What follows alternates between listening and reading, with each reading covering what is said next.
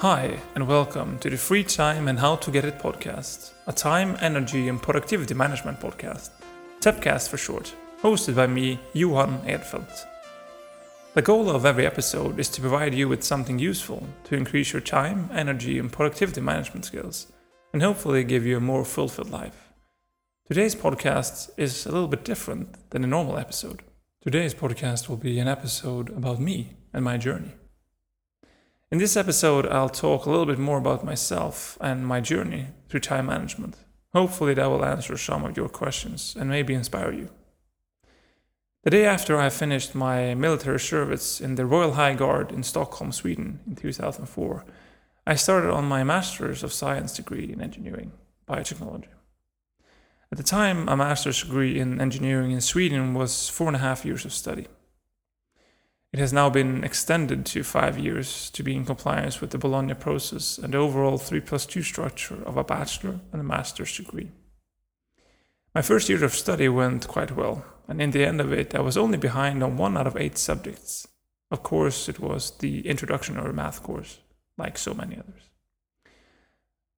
I didn't really have any study methodology or technique for that matter. Instead, I mainly survived through raw power, if you will meaning that I put in many hours to achieve very little. I didn't know what to focus on or how to make the most out of my retention in the different subjects.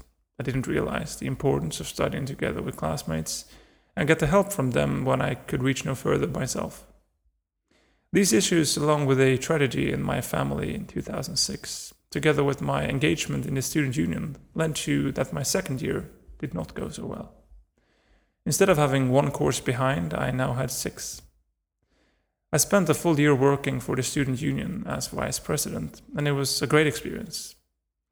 There were many late nights in the office together with my colleagues, and we made, if you ask me, a great impact. We created a solid foundation for growth and threw some pretty cool parties, one of which involved a pre party at a water park with ice cream drinks. That was cool. After my year at the student union, I felt a bit lost. I worked a little bit on the side with some telemarketing, and it gave me something great. It gave me the insight of wanting to study again. Turns out that telemarketing is good for something at least. Methodically, I started taking on course by course and adding them to the past section in my grade transcripts. And now the grades started to improve as well. I realized that I found my motivation again.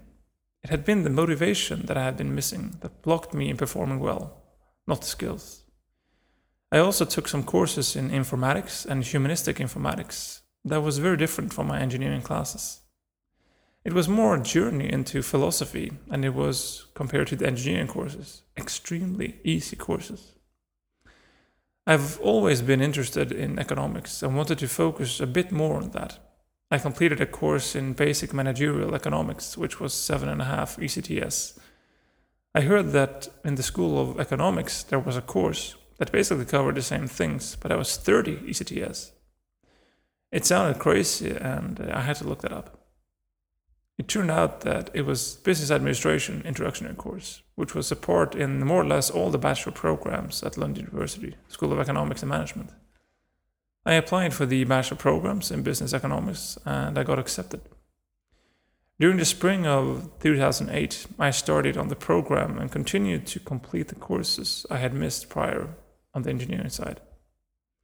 It turned out I was pretty good at business and economics, since I didn't really struggle with the courses there. I looked back on the school year of 2007 and 8 and realized that I had completed 91.5 credits, where a normal year is 60. I took a course in law during the summer and then I decided to give it a shot and continue to study more than 100% in the spring. More precisely, 127.5 credits, 212.5% not including the summer courses. I chose to take the courses on the economics side as distance learning, since the school offered that. That allowed me to attend the engineering classes during the day, and then I could spend some evenings and weekends for the economic classes. It turned out to be a great idea. The downside, of course, was that when my friends had two exams, I had four. But it worked out very well and helped me keep my motivation high when I managed to complete all these courses. I had found what I was good at, and it turned out to be many different things. Who knew? In the fall of 2010, I completed my bachelor's degree in business and economics and my master's degree in engineering, biotechnology, and had gathered in total 453 ECTS credits.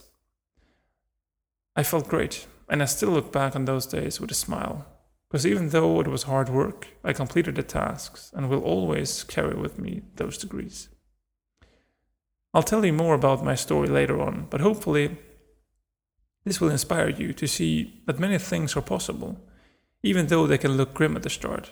I'd went from having six courses behind to a double degree in engineering and economics. Where will you go? Best of luck on the journey, and the good thing is you have only yet begun. That concludes today's episode about me, basically. Thank you very much for listening. Send in your questions to the Free Time Podcasts, and I'll gather them in a proper QA session once in a while. Be sure to check out all my other projects on johanedfeldt.com, comment on my free time podcast on Facebook, listen to my music on Spotify, try out my finance management tool for your household economics, and why not read a poem or two. Download the time map, time schedule, and one year time plan from johanedfeldt.com forward slash downloads. Thank you for listening, and I'll see you next week.